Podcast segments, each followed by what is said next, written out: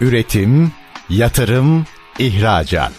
Üreten Türkiye'nin radyosu Endüstri Radyo sizin bulunduğunuz her yerde. Endüstri Radyo'yu arabada, bilgisayarda ve cep telefonunuzdan her yerde dinleyebilirsiniz. Endüstri Radyo.com Erim Hısım'ın hazırlayıp sunduğu İşimi Çok Severim programı başlıyor. Değerli dinleyenler yeni bir merhaba. İşimi çok severimden bir başka konuğumuz ve bir başka konumuzla karşınızdayız. Bugün Merve Özkan konuğumuz. Merve hoş geldin. Hoş bulduk Erim Hocam. Nasıl gidiyor hayat? Hayat güzel gidiyor. Ben şu anda bir taraftan doktora yapıyorum, bir taraftan işte metin yazarlığı işime devam ediyorum. Yoğun bir şekilde devam ediyor. İşler bir taraftan, öğrencilik bir taraftan. Bildiğim kadarıyla Konya'da Selçuk Üniversite mi, Üniversitesi'nde miydi doktora? Evet Selçuk Doğru Üniversitesi'nde. hatırlıyorum, değil mi? İletişim Evet, evet. Fakültesinde. Evet. Peki tekrar hoş geldin yayınımıza. Tekrar hoş bulduk. Dinleyenlerimize söylememiz lazım. İşimi çok severimin bugün hangi boyutunu, hangi tarafını ele alacağız? Dijital içerik yazarlığı ana Evet. başlığımız. Şöyle bir yayın öncesi kafamda bir takım şeyler tasarladım da alt kırılımı çok fazla olabilecek bir Çok konu fazla. galiba. Burada biraz senden, biraz benden alır yürürüz diye tahmin ediyorum değil mi? Evet, evet. Peki önce Merve nedir dijital içerik yazarlığı? İçerik mi diyoruz, metin mi diyoruz? Biz başlığı içerik dedik ama Ya şimdi aslında şöyle, metin yazarlığıyla içerik yazarlığını ayırıyorlar ama bence ikisi artık çok iç içe geçmiş durumda. Metin yazarlığını daha çok geleneksel reklamcılık alanında kullanılan reklam metinleri için kullanıyorlar. Bir de işte film, dizi, senaryo, onlara senaryo diye daha çok. dijital tarafta içerik mi deniyor buna? Dijital tarafta içerik Okey. deniyor. Ama ben çok büyük bir ayrım yapmıyorum çünkü işim gereği yeri geliyor ben reklamda reklam metinleri de yazıyorum. Çünkü bugün reklamcılık sadece televizyon ve radyo gibi ana akım medyadan ibaret değil artık. Bir reklam metnini hem televizyona hem radyoya hem sosyal medyaya uyarlayabiliyorlar. Bunun için aslında çok geniş bir alan. Ve içerik ve metin yazarlığını ikisini birden yapıyorum desem de aslında yalan olmaz. Anladım. Neyse ne dendiğinden çok ne anladığımız kısmı Evet. önemli. Ben ikisini de çok farklı bulmuyormuşum zaten. Çok da haksız değilim galiba. Evet. Bu arada laf arasında şeyi yakaladım. Yani aynı metin hem geleneksel medyada, mecralarda hem sosyal medyada aynı metin birebir kullanıldığı oluyor mu? Birebir şöyle olabilir. Yoksa yani bazı değişikliklerle bazı mi? değişiklikler olabiliyor. Radyo mesela sözel bir iletişim kanalı. O yüzden televizyonda bazı şeyleri görsel olarak da anlatma şansı var ama radyoda yok mesela. Ya da günümüzde podcast yayıncılığı var. Evet. Oralarda kullanılan reklamlarda. Bizim yayınlarımızda podcast olarak Evet. değerlendiriliyor sonra. Ya şimdi sizin aldığınız reklamlar da aynı şekildedir. Orada daha farklı betimlemeler yapmak gerekiyor tabii ki de. Yani dinleyeni çekebilmek için. Bunu ürünü. sosyal medyaya taşıdığımızda o mecrada da bambaşka değişiklikler galiba. Ya sosyal medya daha dinamik bir alan. Mesela günlük Hızlı değil mi? hızlı, insanların dikkatini çok hızlı çekebilmek lazım. Ama tabii herkesin dikkatini çekmek de çok önemli değil orada. Bir hedef kitleye hitap edebilmek gerekiyor. Bazen o da bir yanılgı olabiliyor. İşte takipçi sayısı ya da işte bu beğeniyi çok kişi beğenmedi bu gönderiyi gibi yanılsamalar olabiliyor. Ama asıl orada hedef kitleyi bilebilmek, ona yönelik yazabilmek önemli. Yani sosyal medya dediğimizde de aslında çok farklı farklı mecralar var. Hani onların ruhuna hitap edebilmek lazım. Orada kim var? Kim bizi takip ediyor? Biz kime ulaşmak istiyoruz? Ya da mesela bazen kendimiz için değil ben metin yazarı olduğum için hizmet veriyorum. Bir markaya ithafen yazıyorum. Ya bir marka için e, hedef kitleye ulaşmak istiyorum. O zaman ben o marka oluyorum aslında. Kendini onun yerine koyabilmek lazım. O gözden bakmak O zorundasın. gözden bakmak gerekiyor. Yani metin yazarlığı dedikleri zaman ilk duyduklarında herkes çok kolay sanıyor.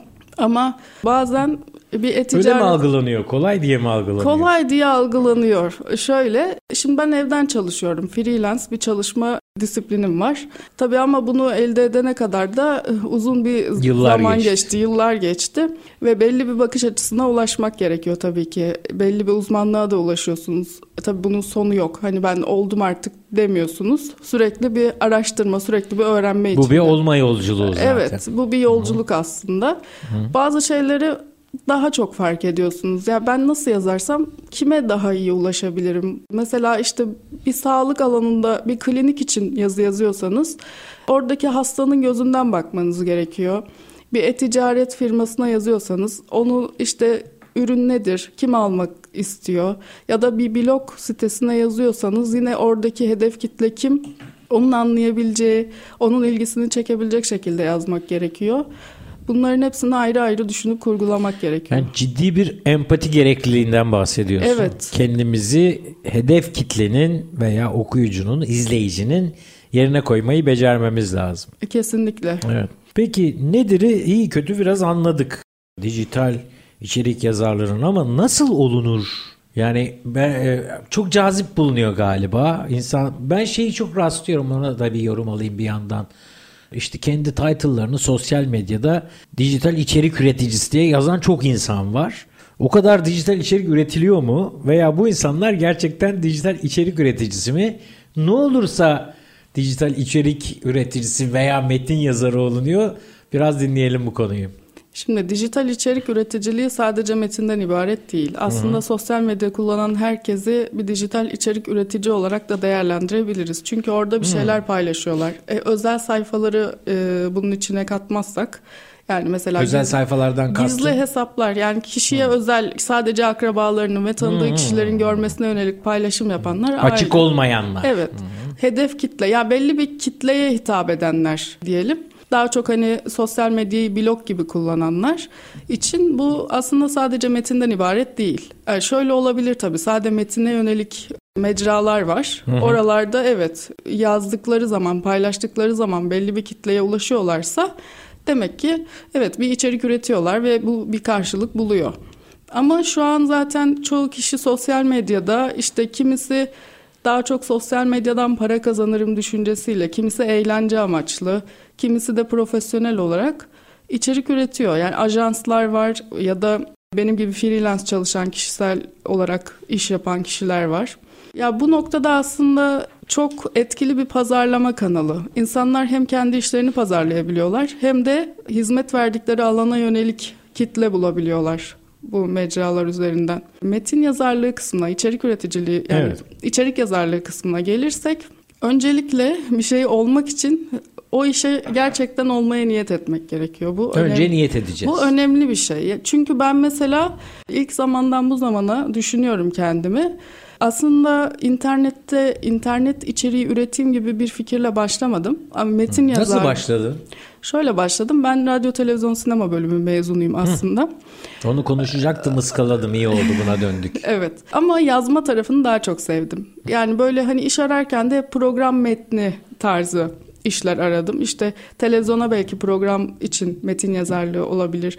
Hani buralardan biraz dedim hani iş arayayım. Metin yazarı olarak aradığımda karşıma hep şey çıktı. SEO uyumlu makale yazarlığı ve ben bunun S'sini bile bilmiyordum bu işe başladığımda. Sonra merak ettim. Başvurular yaptım. İşte kabul aldım. Bilmiyor olmana rağmen başvurdun mu? Başvurdum. Güzel. Ne oldu? Çünkü metin yazarlığı tarafım güçlüydü benim. Yani yazma Kalem tarafım, iyi mi? Kalemim iyiydi. Evet hmm. o konuda kendime güveniyordum. Daha sonra çok teknik olarak anlatıp dinleyicileri sıkmak istemem.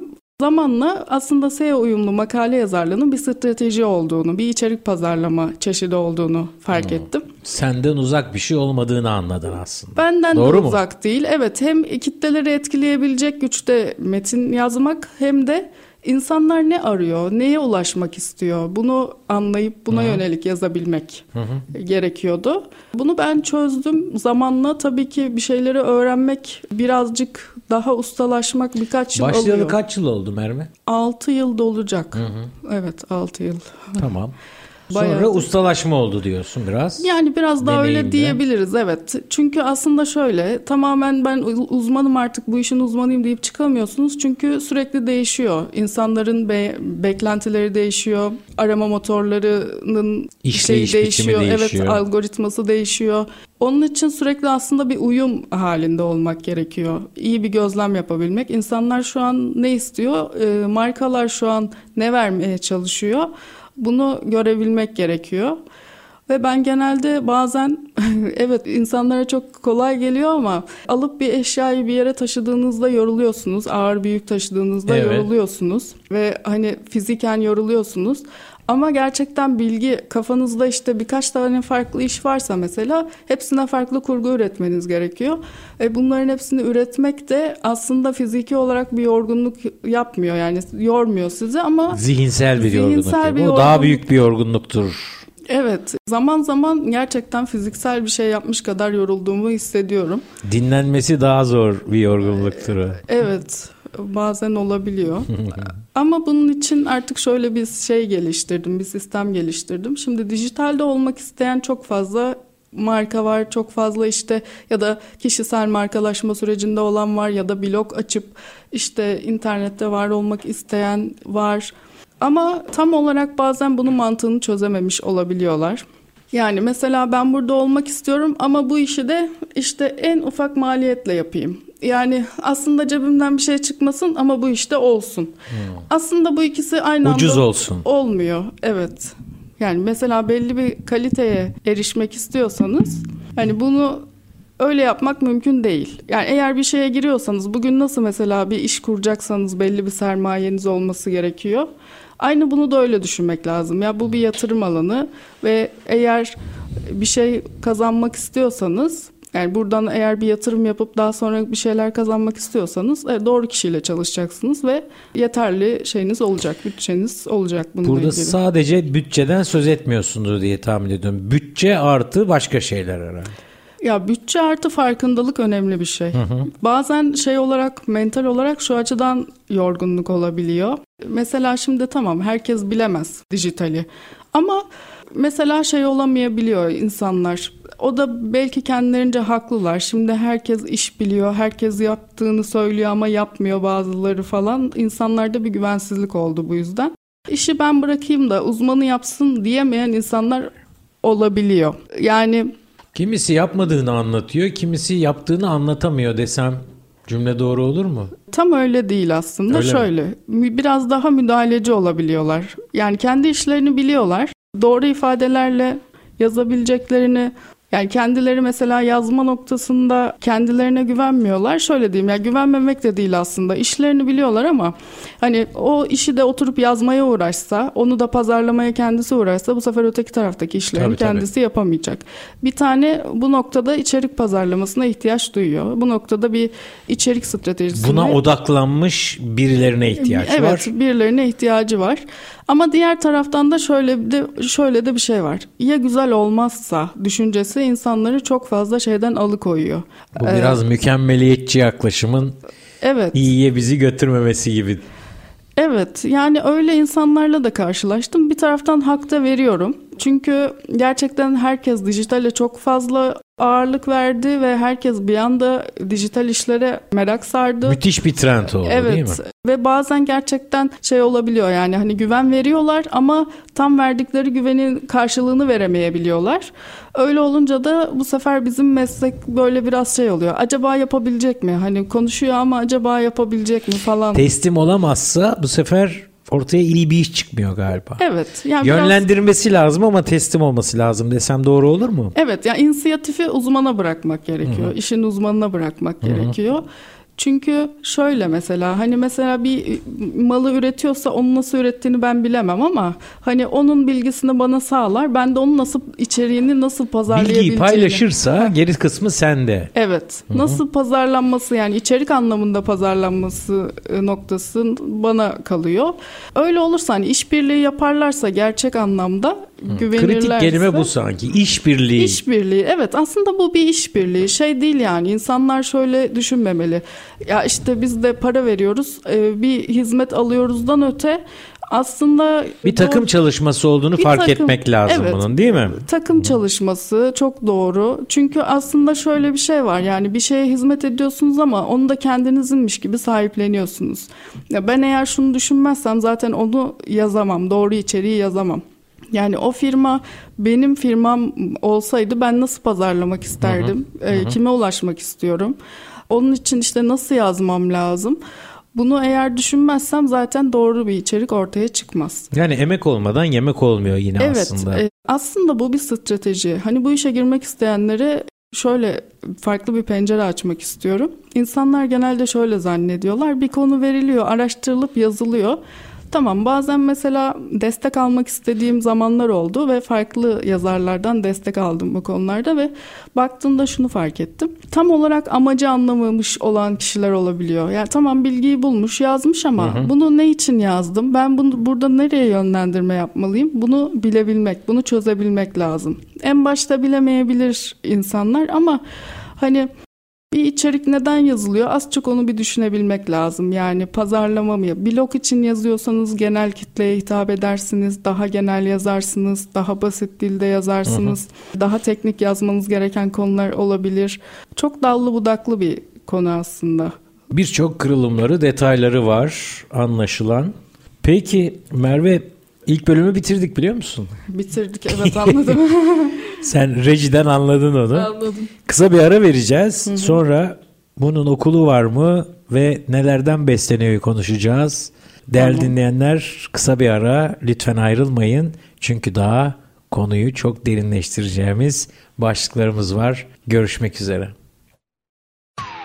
Üretim, yatırım, ihracat. Üreten Türkiye'nin radyosu Endüstri Radyo sizin bulunduğunuz her yerde. Endüstri Radyo'yu arabada, bilgisayarda ve cep telefonunuzdan her yerde dinleyebilirsiniz. Endüstri Radyo.com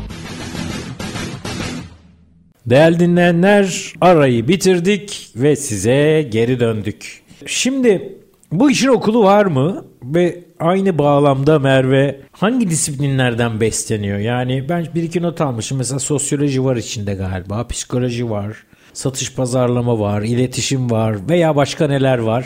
Buyurunuz söz sizde efendim. Şöyle aslında yeni medya şimdi yeni yeni okullarda iletişim fakültelerinde bölüm olarak okutulmaya başlandı. Bölümü de açıldı değil mi? Evet yani daha çok aslında bu internet Lisans düzeyinde. Lisans düzeyinde, yüksek lisans ve doktora düzeyinde de var bildiğim kadarıyla. Hı hı, hı. Ee, benim zamanımda yoktu ama olsaydı da Bilmiyorum hani çok fazla onu tercih edip etmeyeceğimi şu an bilemem.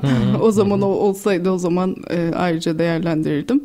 Ben de radyo, televizyon, sinema bölümü mezunuyum ve o alanda ilerledim. Gittim lisansım ve yüksek lisansım bu bölüm olduğu için doktorayı da radyo, televizyonda yaptım ama Bunlar zaten çok iç içe geçti artık. Ana akım medya. Bir ayrım kalmadı arada. Ana akım medya ve yeni medya evet. Yani zaten fark ederseniz evinizde televizyon olmasa bile televizyon seyredebilirsiniz yani. Tabii. Bilgisayarınızdan hatta cep Tabii. telefonunuzdan bile. Gençler yani, öyle seyrediyor ben bakıyorum. Evet yani aslında ben de öyle seyrediyorum. Demek ki gençsin.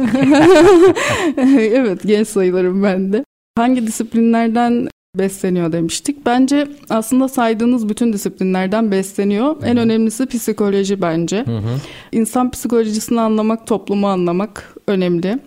E, kime hitap ettiğimizi bilmek önemli. Ve artık insanların daha aktif olduğunu da düşünüyorum. Mesela şey değil artık. Önceden televizyon reklamlarından falan daha çok etkilenebiliyordu insanlar sanırım ama şimdi herkes daha fazla araştırmaya yöneldi ve daha çok herkese artık şey olarak etkileyemeyebiliyoruz hemen koşun, hemen gelin, hemen alın mantığı artık Hı. bence herkes de çok işlemiyor.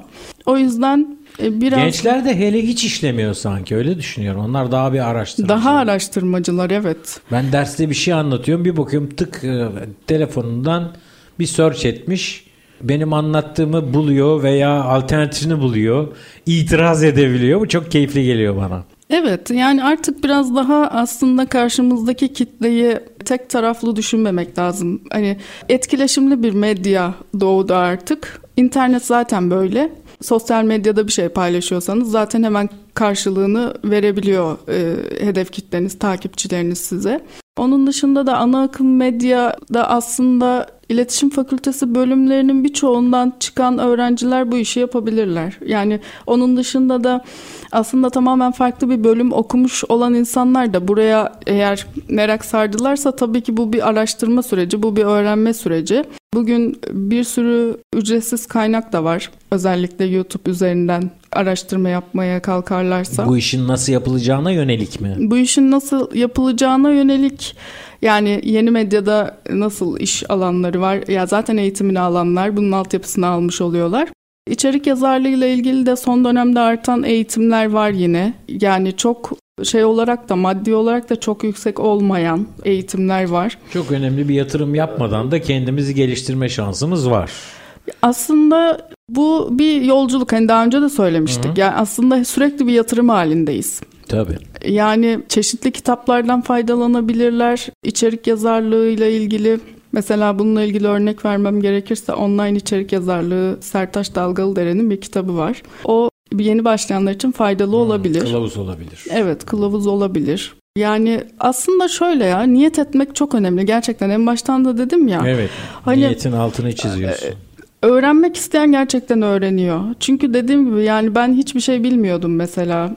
Gelen uyarılara karşı açık olmak lazım. Şey olmamak lazım. Ya işte eleştiri aldığınızda savunmaya geçmemek, hani anlamak, karşı taraf ne ifade ediyor. Eğer gerçekten haklı bir eleştiri ise mesela bazen olabiliyor insanız. Biz de öğreniyoruz, hala öğrenmeye devam ediyoruz temel şeyleri biliyoruz ama bazen bilmediğimiz bir nokta çıkıyor. İşte bak burası da böyle diyebiliyorlar. O zaman da oturup bir bakmak lazım. Ha, demek ki bu da böyleymiş. Bunu da ekleyeyim üstüne. Eleştirinin nevi de çok önemli tabii ama ben iletişim eğitiminde bunu uzun uzun konuşurum. Yani Hı-hı. eleştirmek çok kıymetli bir şey. Eleştirilen açısından. Eleştirene Hı-hı. çok bir şey katmaz. Ama nasıl söylediğin o kadar önemli ki karşı taraf defansa geçmesin. E bu tarafa geçince de eleştirileceğiz elbette ama defansa geçeceğimize acaba bu ne demek istiyor? Oradan bakınca niye öyle görünüyor? Haklı mı? Hı hı. Onun haklılıklarını alıp cebimize koyup yola öyle devam ediyor. Çok kıymetli evet. diye düşünüyorum. Peki bu saydığım disiplinler dışında eklemek istediğin disiplin var mı? Ben birkaç şey sayı verdim biliyorsun. Yani birçok şeyi konuştuk aslında. Empati Hı-hı. çok önemli. E, doğru iletişim önemli. Hı-hı sosyoloji, psikoloji ve şu anda aklıma ekstra bir şey gelmiyor açıkçası. Hı hı. Yani bu genel olarak zaten buna hakim olan kişiler hı hı. E, tamamen bütün alanlara hakim olamayız ama az çok Tabii. hani anlamış. Belki bir de alana yönelik yani yaptığımız çalışmaya işte girdiğimiz segmente yönelik teknik bir şeyler gerekebilir. Evet. Yani onları da öğrenmek da, lazım yani. Yani nasıl yapılıyor onlar tabii teknik bilgi gerektiriyor. Onlara yönelik de ben aslında çok işin içinde piştim. Şanslıydım. Ee, ve çok hani böyle saf bir niyetle başlayıp böyle bazen mesela iş aldım, e, yazı yazıyorum ve SEO uyumlu makalede heat başlıklara he, heat 1 dedikleri işte ana başlık SEO title denilen bir şey vardır mesela. Hani bu tarz şeyleri bilmiyordum yani ilk başladığımda ve bunu sormuştum. Karşı taraf yatırgamadan bana cevap vermişti. İşte bu böyledir, şu şöyledir falan. Hmm. Ama şu an daha fazla kaynak var. Yani bulunabilir. Hani mesela bir şey bilmiyorsanız bile bir teknik terim mi söylediler?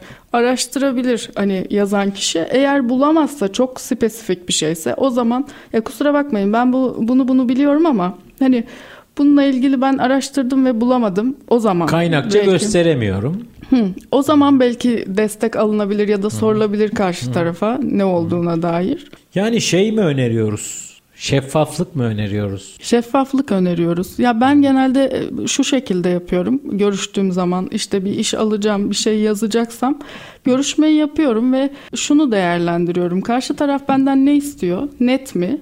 Yani oturtmuş mu kafasında her şeyi? Net olarak hazırlamış bütün her şeyi tamam biz bu işi yapıyoruz ve şu hizmete ihtiyacımız var mı diyor.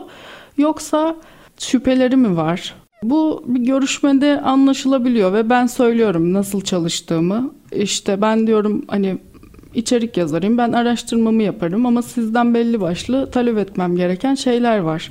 İçerikle ilgili bir ürün eğer çıkarmışlarsa piyasaya onunla ilgili diyorum hani en iyi siz bilebilirsiniz. Ben rakiplerinizi Tabii. araştırırım hı hı. ama sizin farkınız ne? Size özgü olan şeyleri sizden almam Onları lazım. söylemeleri evet. lazım. Onun dışında zaten işimiz araştırmak. İşimiz araştırmak.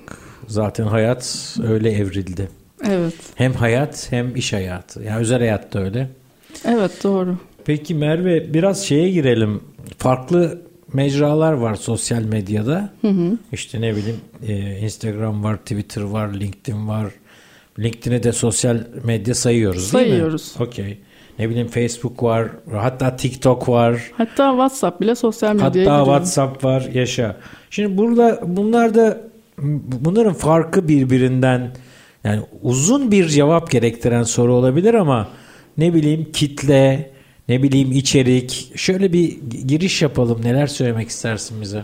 Şöyle söyleyeyim. Ben en aktif olarak Instagram'ı kullanıyorum. Zaman zaman da LinkedIn. Facebook'u da Instagram'la bir kullanıyor gibiyim. Yani Instagram, paralel Facebook, paylaşımlar. Evet, paralel paylaşımlar yapıyorum.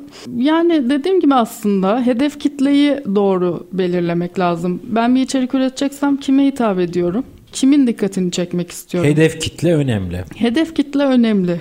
Temiz kitle denilen bir şey söyler pazarlamacılar. Temiz, temiz kitle. Temiz bir kitle. Hmm. Yani mesela şimdi ben sağlık sektöründe hizmet veren bir kliniğe sahibim diyelim ki ve sosyal tamam. medyam var. İşte bu alanda bir ajans benim için şey yapıyor. içerik üretiyor diyelim ki.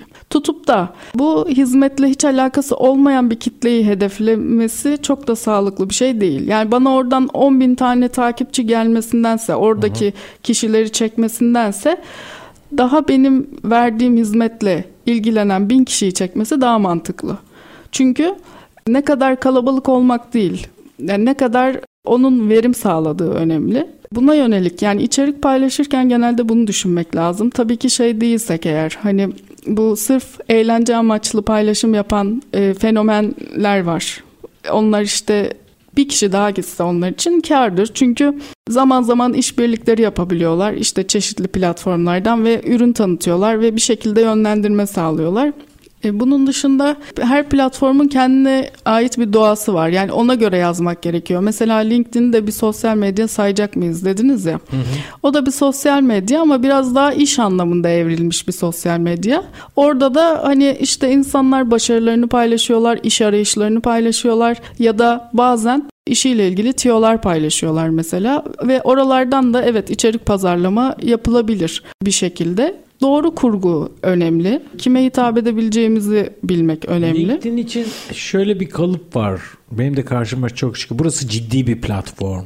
Bu kalıba senin bir yorumun var mı? Benim Gör, var da seninkini merak ediyorum. Görünüş olarak öyle. Yani ama şimdi mesela platformlar evrilebiliyor. Belki başta kuruluş amacı sadece şey olabilir. İş amaçlı olsun. İşte insanlar buradan birbiriyle bağlantı kursunlar. Evet ve işte iş arayanlar iş bulsun.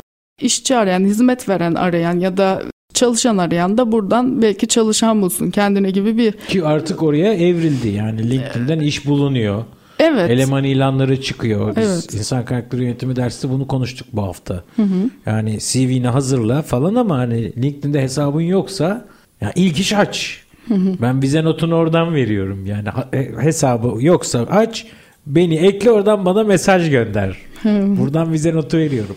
Yani evet e, önemli artık. Sosyal olmak önemli bir şey. Hı. Çünkü e, tek taraflı iletişim artık insanların çok da hoşlandığı bir şey değil. Tabii. Yani mesela dedik ya hani yeni nesil daha çok araştırıyor. Yeni nesil Tabii. klasik olarak oturup da televizyon çok fazla izlemiyor yok, mesela. Yok. Ya bilgisayarından açar merak ettiği bir şeyi izler telefonundan bile yolda giderken bile bakabiliyor. Nokta atışı yapıyorlar. Evet. Sadece merak ettikleri yerlere bakıyorlar. Bu noktada LinkedIn ciddi bir yer mi? Orayı aslında ciddi yapan bence işte mesela siz eğlenceli bir insansınızdır. Çevrenizde eğlenceli insanlar olsun istersiniz. O zaman da ona göre takipçileriniz olur. O zaman orası biraz daha eğlenceli bir yer olabilir. Bunu lafın gelişimi söylüyor musun yoksa gerçekten mi böyle düşünüyorsun? gerçekten böyle düşünüyorum. ben o mecrada zaman zaman eleştiri alıyorum. Burası ciddi bir yer diye. Ben de izah olmayanın mizah olur. Ben de işin o tarafındayım. Hayata çok ciddi aldığım için böyle bakıyorum diye bir yorumum var ama Anlayan olur, anlamayan evet. olur. Peki LinkedIn'i biraz söylemiş, konuşmuş olduk. Mesela Twitter'da bir şey harf sayısı var. Karakter sayısı. Karakter sayısı var. Bu niye var ve ne yapmamız lazım? Yani bir şeyi kısa anlatmak çok daha zordur mesela. Normal sözel iletişimde bile. Bir de burada yazıyoruz. Buna bir yorumun var mı? Siz metin yazar olarak burada ne yapıyorsunuz? Kısaltma mı yapıyorsunuz? Ne yapıyorsunuz? Ee, şöyle bir sorun yaşayabiliyorum ben de orada. Bazen Twitter'da mesela Instagram'da paylaştığım bir gönderiyi paylaşıyorum ve alıp işte otomatik olarak o metni bazen alıyor oraya ve şey uyarısı veriyor mesela kelime Limiti aşım, aştın. limit aşımı. Orayı pembe boyuyor galiba. Evet evet öyle. Orada da evet daha böyle kısa. Orası biraz daha şey gibi. Sanki böyle haber yani insanların haber alıp birbirlerine haber verdiği bir yer gibi Hafif oldu. bir muhabirlik var orada sanki. Birbirimizin muhabiri oluyoruz gibi. Evet yani orada aslında yalan haber de çok hızlı yayılabiliyor. Çünkü çok hızlı bir şekilde bir gönderiyi görüp hemen paylaş, retweet yap Evet. diyebiliyoruz. Gerçek olup olmadığını anlamadan. Evet yani bunu araştırmak lazım. Nedense insanlar çok şüpheci ama söz gelimi bu bilgi paylaşımı olunca bu şüpheciliklerini kullanmıyorlar. Yani bir şey gördüler aa işte bu böyle olmuş aa öyle mi olmuş hemen paylaşalım e, olabiliyor bazen. Sanki biraz hazıra konuyoruz. Birisi bir şey yapmış, paylaşmış. Onu alıp hiç sorgulamadan kullanıyoruz. Dolayısıyla aslında kullanılıyoruz belki de. Yani kötü niyete de açık bir şey oluyor. Evet ya şimdi mesela dezenformasyon için çeşitli önlemler yasa falan çıkarıldı. Evet, yasa çıktı. E, Yani. İnsanların biraz daha şey oldu olduğunu düşünüyorum. Yani bu noktada biraz daha kendini sorguladığını düşünüyorum. Belki hala farkında olmayanlar olabilir. Ama biraz daha artık bilinçlenmeye yardımcı olabilir belki. Belki de insanları korkutabilir biraz paylaşım noktasında. Bir korku söz konusu olmuş olabilir. Korku derken bir şey gördüm bunu şimdi paylaşmayayım. Belki Hı, de öyle. Kendi paylaşımları için değilse de retweet veya benzeri bir hazıra konma durumunda Evet. bir tedbir geliştirmiş olabilirler. E, sen şey dedin en çok Instagram'ı kullanıyorum dedin. Neden? Neden? Çünkü Instagram çok yönlü bir mecra. Yani ne, ne demek istiyorsun? Çok yönlü derken biraz açar mısın? bize? Açarım. Şöyle yani daha çok görsel bir medya aslında ama orada bazen bir fotoğrafın altına bir şey de yapabiliyoruz biliyoruz ya da yani bir açıklama da yazabiliyoruz ya da mesela kaydırmalı post dediğimiz karosel dediğimiz bir şey var. 10 tane kutu kare kaydırarak insanlar işte orada bir tasarım hazırlayıp bir şey yazıp insanlara onu okutabiliyoruz mesela kısa kısa. Hikayeleri kullanabiliyoruz. Onun dışında canlı yayın yapabiliyoruz. Yani birçok alanda kullanabiliyoruz. Hani onun için ilk başta çok da Sen canlı yayın yapıyor musun? bir ara yapıyordum. Şu an yapmıyorum. Bir ara çok trend oldu o pandemide. Hı hı. Hatta her akşam herkes de evde otururken onlarca canlı yayın aynı anda yapıldığına tanık oluyordum. Ben de bir dönem yaptım ama şu anda o eski trend yok galiba. Evet. Canlı yayın bunun bir farklılığı, avantajı gibi duruyor. Peki Evet. diğer mecraların da avantajlarını ve farklılıklarını birazdan reklam arasından sonra konuşalım. Kanalımızın ekmek parasını sağlayalım. Sonra devam edelim. Değerli dinleyenler lütfen ayrılmayın. Daha bizde ne numaralar var az sonra. Üretim, yatırım, ihracat.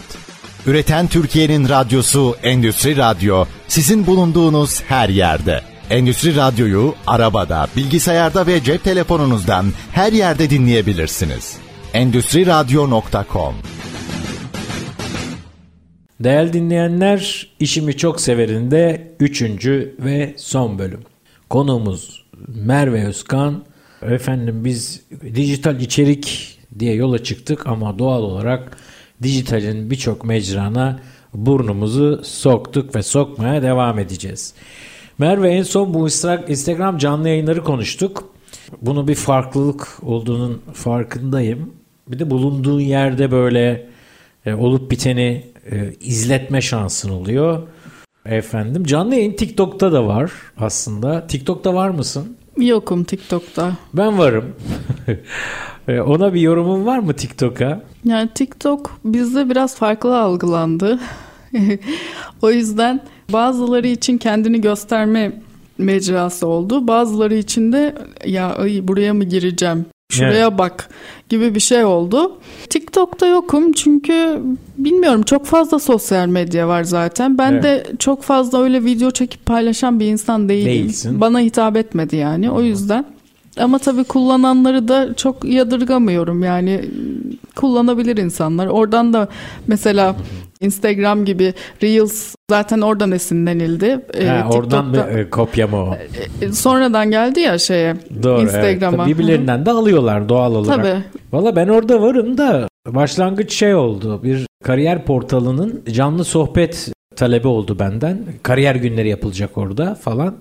Hesap açıldı. Bana destek oldular. Yoktum o zaman. Bir saat bir canlı yaptık. CV, mülakat nedir diye.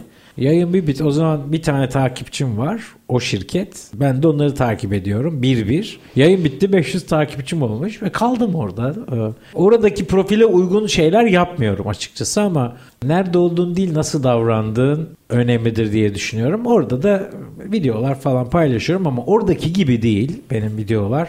Kendi bildiğim, kendi meşrebime uygun şeyler yapıyorum. Bir senin meslektaşın şey demişti geçen gün. Vay hocam sen çok çakalsın. Niye ya dedim. E dedi, bu arada yaş ortalaması müthiş orada küçük. Gençler değil neredeyse çocuklar var. Vay hocam sen çok çakalsın yatırım yapıyorsun dedi. Artık yatırım sayılır mı bilmiyorum. Onlar ileride büyüyecek. Büyüyünce TikTok evrilebilir. Onlar başka mecralara da geçebilirler. Bir yatırım sevdasıyla değil işte bulunmuşken bir şeyler yapalım beklentisiyle. Şimdi bu canlı yayını öne çıkardık. Şeyin Instagram'ın. Twitter'dan biraz bahsettik. Bunları eklemek istedim. Ha, bu arada WhatsApp dedin. Bir de Telegram da diyebiliriz o zaman galiba. Telegram da var evet. Hatta Telegram daha çok pazarlama kanalı olarak kullanılıyor. Öyle mi? Mesajlaşmadan ziyade. Yani WhatsApp daha yaygın kullanılan bir sosyal medya oldu bizde mesajlaşmak için. Ama Telegram'da daha çok duyurular işte. Mesela diyelim ki bir yerde Instagram'da ya da Facebook'ta bir kop- kopma oldu. İşte o gün e, ulaşılamadı. Oradan herkes şunu yapmaya başladı. İşte Telegram kanalım da var. Hani gelin oradan da haberleşelim gibi. WhatsApp daha pratik geliyor. Bana da öyle geliyor açıkçası. Evet. Daha pratik. Ama var mısın? Varım yani. İşte bir de orada grup mantığı var biliyorsun gruplar kurulabiliyor. Dolayısıyla sinerjik paylaşımlar. Benim her dersimin direkt bir WhatsApp grubu oluyor. Duyurular oradan yapıyorum, paylaşımlar oradan yapıyorum. Alışveriş oradan yapıyorum Hmm, dersle çok iyi. ilgili. Tabii tabii çok işe yarıyor. Pekala. Dolayısıyla onu da bir sosyal mm, medya mecra sayabiliyoruz. Sayabiliriz. Ben şeyle ilgili bir şey eklemek istiyorum. Lütfen. TikTok TikTok'ta dediniz ya. Evet. Oradaki mecra e, oradaki kitleye çok uymuyorum diye. Aslında her mecrada kendinize uygun bir kitle vardır. Yani orada mesela canlı yayın yapmışsınız 500 kişi gelmiş. Evet. Yani bir canlı yayında 500 kişi geldiyse demek ki bir şekilde orada da sizin kitleniz var. Enteresan olmuş yani. E, Yani e, demek ki ilgilerini çekmişsiniz bir şekilde. Ki o zaman bir tane takipçim var. Yani o nasıl geliş algoritmayı bilmiyorum açıkçası. Merak ediyorum. Şeyi söyleyeyim. Mesela bazı videolar çok refleks alıyor. Yani çok paylaşım oluyor. Çok beğeni alıyor. Bazılarına hiç şey gelmiyor. Beğeni gelmiyor. Mesela onu istersen yayından sonra konuşalım. Ne oluyor orada bir algoritmada bir şey mi var? Onu ayrıca konuşalım. Ayrıca konuşalım. Yayında söylemeyelim. Her şeyi de anlatmayalım yani. Bütün tiyoları vermeyelim. Bütün tiyoları vermeyelim. Peki şimdi bu kadar şeyi konuşuyorken konuşmadan edemeyeceğim. Twitter el değiştirdi. Evet. Elon Musk satın aldı. Bunun Twitter'a getirdiği götürdüğü şeylerden biraz bahseder misin? Ne oluyor? Bu mavi tık falan nedir mesela? Biraz onlardan bahseder misin bize? Ya aslında onlarla çok ilgilenmedim. Twitter'ı ben çok fazla çok aktif kullanmıyorum. Onun da bir sebebi şu. Oradaki kitle çok gergin genelde. Yani baktığım zaman tabii ki Kavga mı çıkıyor? ya birazcık şöyle baksanız bile azıcık bir şeylerden siniriniz bozulabiliyor. Çok fazla zaten öyle e, yorum yapıp insanlarla çok tartışmaya girmem. Arada bir hani böyle kendimle ilgili bir şeyler, e, işimle ilgili falan paylaşım yapıyorum. Çok hani yüksek bir takipçim de yok orada zaten. Genel olarak şöyle bir çok genel e, işte çok büyük bir şey olursa falan onlara bakıyorum oradan işte hashtaglerden falan ne olmuş ne bitmiş Onun bir dışında haber kaynağı aslında. yani biraz Ama doğruluğunu da teyit almadan teyit etmek lazım. lazım. Az evvel konuştuğumuz gibi. Bazı O mavi tık işini çok takip mavi etmiyorsun. tıkı çok takip etmiyorum. Çok da önemli değil aslında bence. Ben neden önem verdiklerini hiç anlayamadım. Bence değil. Yani ben zaten ben Tıklamanın bir, önemi var da ne kadar tıklandığını. Mavi tık. ben bir şey değilim zaten. Yani Çünkü bir de onu şarkıcıya da- satmaya başladılar. Evet. Parayla oldu Evet yani. evet yani o daha da saçma geldi bana. Ama alacak olanlar vardır e, diye düşünüyorum. Ya para ettiğine göre Yani kesin var. bir karşılığı olmalı yani. Üstelik bir de dünyadan bahsediyoruz. Türkiye'den de bahsetmiyoruz. Evet. Birileri bunu değerli buluyor galiba. Değerli buluyor sanırım. Onu çünkü şey gibi hani gerçek kanal benim. Ya işte ben çok ünlü biri olsam benim işte e, şeylerim olur, fake hesaplarım olur. Onlardan ayrılmak isterim. Sonra derim ki ya başım ağrıyacağına hani bedeli neyse vereyim, e, bir mavi tik alayım. Ama öyle bir durumum olmadığı için yani benim için çok da aslında önemli bir şey değil. Hı hı. Peki Twitter demişken Elon Musk da demişken ikisinin aynı cümlede geçtiği bir konu var. Bunu takip etmişsindir. Bunu takip etmemek çok mümkün değil galiba. Elon Musk, Elon abi Twitter'da e, satın aldıktan sonra eski sevgilisinin hesabını kapatmış. Yani rivayet bu. Bu dedikodu mu gerçek mi bilmiyorum. Belki de o kapattı. Onu da bilmiyorum. Ne dersin kapattıysa buna bir yorumun olur mu? Biraz egosantrik geliyor bana. Sen ne Ee, dersin? İlginç. Yani bilmem çok da yorum yapacak bir şey yok aslında. Bir şey yok. Bu biraz Yani magazin olmuş oluyor. Biraz magazin biraz da ne bileyim hani şey mi hırs yapmış herhalde yani. Gerçekse tabii onu da bilmiyoruz. Tabii, Ya kapattım bilmiyoruz. diyen yok, kapattı diyen yok ama Evet. hesap kapanmış. Belki de hanımefendi ayrıldı onu da bilemiyoruz. Evet. Şöyle bir e, şey geliştirdim ben. Sezgisel. Hani alan senin alanın ama yani işte biz de içeride bir şeyler yapan bir kişi olarak. Sanki Twitter biraz e, rüzgarı kaybedecek. Biraz ufalacak. Bir- Korkarım ba- başka türlü tehlikeler de olabilir. Çok büyük ihtimal çok yakın rakipleri olacağını düşünüyorum. Belki Twitter. satanlardan, belki başkalarından. Yani ne yöne evrilir onu şu an çok bilmiyorum ama tabii. şöyle bir şey var. Twitter'da şey öne çıkmaya başladı. Orada da canlı yayın özelliği var yine. Sesli canlı yayın. Twitter'da mı? Twitter'da. Ay onu hiç bilmiyorum. Sesli yayın özellik Görsel değil ses. Sadece Aa. ses. Yani bir 10 kişiye kadar mı tam net bilmiyorum. Konuşmacı alabiliyor program sahibi. Vay. Evet. Biz bir radyocu olarak bunu bilmeliydik ya. Oraya da belki bir bakarsınız. Teknik basa duydun değil mi abi bunu? Ha? Bu, bu- boşuna burada yayın yapıyoruz biz e, bir şey olmaz ondan diyor. Biz, bizim arkadaşlar beğenmedi onu. Değiş, başka konuya geç. Ya hayır hani o da mesela ar- artık aslında kan kaybettiğinin farkında bir Kan şekilde kaybının şeyi. cazibe olması için Anladım. orada da hani Ama ben duymadım mesela bunu. Bu da enteresan değil mi? ya bana bildirim geliyor bazen de takip ettiğim bazı kişilerden oradan Ha, böyle şey. görüyorum. Yayın yapanın bildirimi geliyor. Yayın Belki yapanın benim takip takipçim- ettiğimden bildirim gelmiyor. Evet, Belki ben olabilir. farkına varmıyorum. Ama bunun benim bilmememin de bir şeyi karşılığı olmalı. Ya niye bilmiyorum ben bunu değil mi? Yani bir şekilde ama duyuyoruz işte birbirimizden görüyoruz. E tabii, Ee, tabii yani. öyle. Peki Merve, şimdi mecraya göre değişiyor ama görselin önemi. Yani metin yazarlığı, içerik neydi? İçerik, dijital içerik yazarlığı Yazarlığı. ama bunun ta baştan ilk bölümde söylediğin gibi sadece metin olmadığının farkındayız. Görselin önemi ve görsele ilişkin neler söyler? Hatta Görsel- alt kırılımlarıyla da hani fotoğraf, video vesaire bunları da e, içerek içeren bir cevap verebilirsen çok memnun olurum. Tabii şimdi video etkili bir araç bir şeyi anlatmada. Bazen yer yer ben bile açıp bir konuyu video olarak araştırabiliyor, araştırıyorum. Yani hepimiz araştırıyoruzdur mutlaka. Bir şeyin nasıl yapılacağını öğreneceksek anlatan birinin olması işinde uzman mesela bir kişi bir konuyu anlatıyorsa açıp onu dinleyebiliyoruz. YouTube'a mı gittin burada sen şu anda? Sadece mı cevap YouTube değil, YouTube'da YouTube YouTube, sosyal medya mecra mı? sosyal medya diye Onu da geçiyor. saymamız lazım. Evet. Demin saymadık.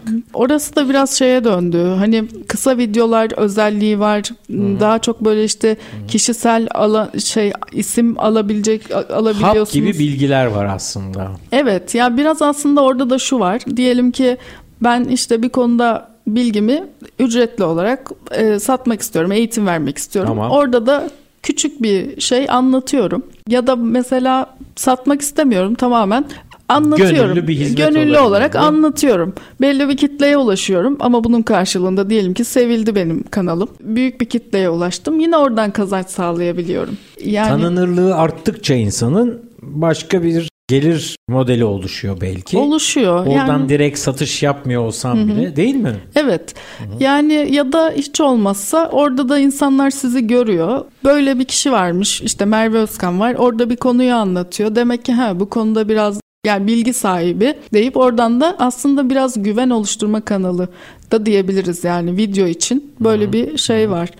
Yani Instagram'da falan da mesela buna çok denk geliyorum. Video içerik paylaşın diye hep sosyal medya uzmanları e, işte kendinizi tanıtmak mı istiyorsunuz, kitlenize güven mi oluşturmak istiyorsunuz? O zaman kameranın karşısına geçin, konuşun diyorlar. Video içerik paylaşın ve bunun etkisi oluyor. Yani e, gerçekten mesela konuşan bir insanı dinlemekle bir şeyi okumak arasında fark var. Tabii ki. Yani o açıdan video avantajlı ama Metin de şu an hala çok etkili bir pazarlama kanalı çünkü hala aramaları kelimelerle yapıyoruz. Yani bir yerde bir şey ararken illaki bir bir şey yazmamız gerekiyor ya da söylememiz gerekiyor. Ama yine de kelimeler var işin Burada içinde. hashtag'ten mi söz ediyoruz? Hashtag ya da arama terimi.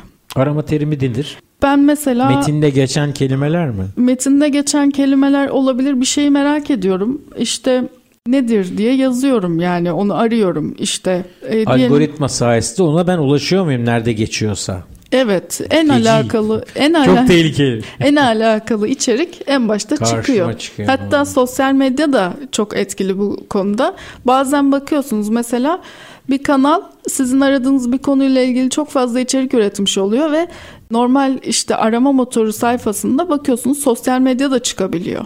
Çünkü orada sizin aradığınız şeyle alakalı bir şey var. Nasıl bir algoritma varsa benim ikinci kitabım aşılarım tamam biliyorsun. Onunla ilgili ne zaman paylaşımda bulunsam direkt e, hemen ekine şey geliyor otomatikman. Covid-19. Covid ile ilgili bir uyarı geliyor. Yani benimki sağlık kitabı değil, konu bu değil ama Evet. bahaneyle aşı geçmişken nasıl bir şey bu nasıl oluyor? Nasıl bunu yakalıyor? Otomatik yakalıyor. Onu mi? otomatik yakalıyor büyük ihtimalle. Yani yapay zeka şu an hala tam olarak e, yüzde yüz hani insan gibi düşünemiyor. Ama bayağı ilerleme kaydetti tabii ki. Evet. Oradan aşıyı duyunca şey yapmıştır otomatik yani olarak. Yapay zeka ileri zeka değilse de geri zeka da değil zaten demek Evet. lazım. Peki Merve süremiz azalıyor. Paylaşımın saatinin ve sürenin bir önemi var mı? Yani videonun büyüklüğü efendim falan ve saat esas yani günün hangi saati buna ilişkin bir şeyler duyalım. E, yine kitleyle ilgili bir şey. Tamam. Gün içinde çalışıyorsa mesela hedef kitle ve akşam geldiği zaman bakıyorsa sosyal medyaya daha çok akşam saatleri daha etkili olabilir. Ev hanımları Akşamdan kastımız ne? Şey, televizyonun prime time saati gibi mi? öyle diyebiliriz. Çünkü Okey. insanlar Yani işten gün içinde çalışan bir kesime hitap etmek istiyorsak Evet. Yani Evet. akşam 7-8'den sonra falan. Çalışırken sosyal medyaya bakamayacağı, erişemeyeceği varsayımıyla bu. Yani evet. Ben birçok şirkette sosyal medya erişiminin e, engellendiğini görüyorum. Bu ama cep telefonundan buna eriştiklerini biliyorum. Mani olamıyorlar falan. Niye mani olmaya çalıştıklarını da anlamış değilim aslında. Ee, Peki sabah e, saatleri nasıl? Kime hitap ediyor? Sabahın erken saatlerinde insanlar genelde bir hazırlık içinde oluyorlar. Yolda giderken falan belki toplu taşımada bakabilir insanlar ki bakıyorlar. Evet o saatler de olabilir. Yani aslında en güzel Ben yol biraz karga kahvaltı etmeden paylaşım yapıyorum. Sen takip ediyorsun. Deneme yanılma. Evet görüyorum yani şeyde düşüyor. Hani o an düşmese bile yine Tabii. ana ekrana düşüyor paylaşımlarınız. Evet. Evet, orada algoritmaları çok iyi bilmemekle beraber evet o saatler bana bana uygun aslında. Peki saat öyle. Ben huyum kurusun mesleğim istatistik yani kökenim istatistik mesleğim demeyeyim de ben istatistik mezunuyum. istatistikçi saymam kendimi. Biraz anket falan yapıyorum. Buna ne dersin? Bu ilgi gören bir şey mi? Gerçi mecrana göre değişir. LinkedIn'de zaten böyle bir altyapı da var. Ee, Twitter'da da var. Hatta Instagram'da da var. Yani hikaye Evet. olarak. Ne dersin? Bu ilgi gören bir şey mi? Bir kurumun veya bir bireyin bunları yapması mantıklı mı yoksa kim mi bakacak ona? Şöyle yani o aslında sizin biraz amacınızla ilgili. Ne için? Yani bir Evet. şeyi araştırıyorsunuzdur. Ona yönelik bir Evet. şey yapıyorsunuzdur. Yok o anket. değilse tamamen ilgi beklentisi içerisindeysem ilgi O zaman da yani kitleye Konuya göre yine yani. konuya bağlı olarak ilgi görebilir. Yani bazen bazı konu vardır mesela dersiniz ki bundan çok fazla etkileşim gelir ama gelmeyebilir. Bazen de çok tahmin etmezsiniz. Tabii bazen öngördüğümün dışında e, şeyler alıyorum. Yani bir anket e, hazırlıyorum. Dünya kadar insan cevap veriyor. Birine, birine böyle çok fazla şey- şeye göre de değişiyor. Mesela aynı anketi Instagram'da, Twitter'da yapınca kıyaslıyorsun mesela. Biri bir yerde, biri başka yerde e, etkili oluyor. Zamanla insan öğreniyor. Tıpkı hayatta olduğu gibi. Merve süreyi tamamladık. evet nasıl son geçti cümle var mı? anlamadım. Son cümle. Son cümle bana çok fazla şey soruyorlar. Bu mesleği nasıl yaparım? En başta söylediğim gibi yine söyleyeceğim. En başta niyet edin, araştırın, vazgeçmeyin. Araştırdıkça kaynağa ulaşabilirsiniz ve bir yerden başlamanız gerekiyor. En kestirme şekilde söylemem gerekirse. Peki. Merve çok teşekkür ederiz. Ben teşekkür Ayağına ederim. sağlık. Bir sürü tüyo aldık. Ee, bir başka programda yine konuk edelim seni. Çünkü İnşallah. konu geniş bir konu. Değerli dinleyenler bir işimi çok severimi daha burada bitiriyoruz. Yine başka bir gün işini çok seven, başkalarına sevdiren bir başka konukla birlikte olmak ümidiyle lütfen bizden ayrılmayın. Sağlıcakla kalın, hoşça kalın, görüşmek üzere.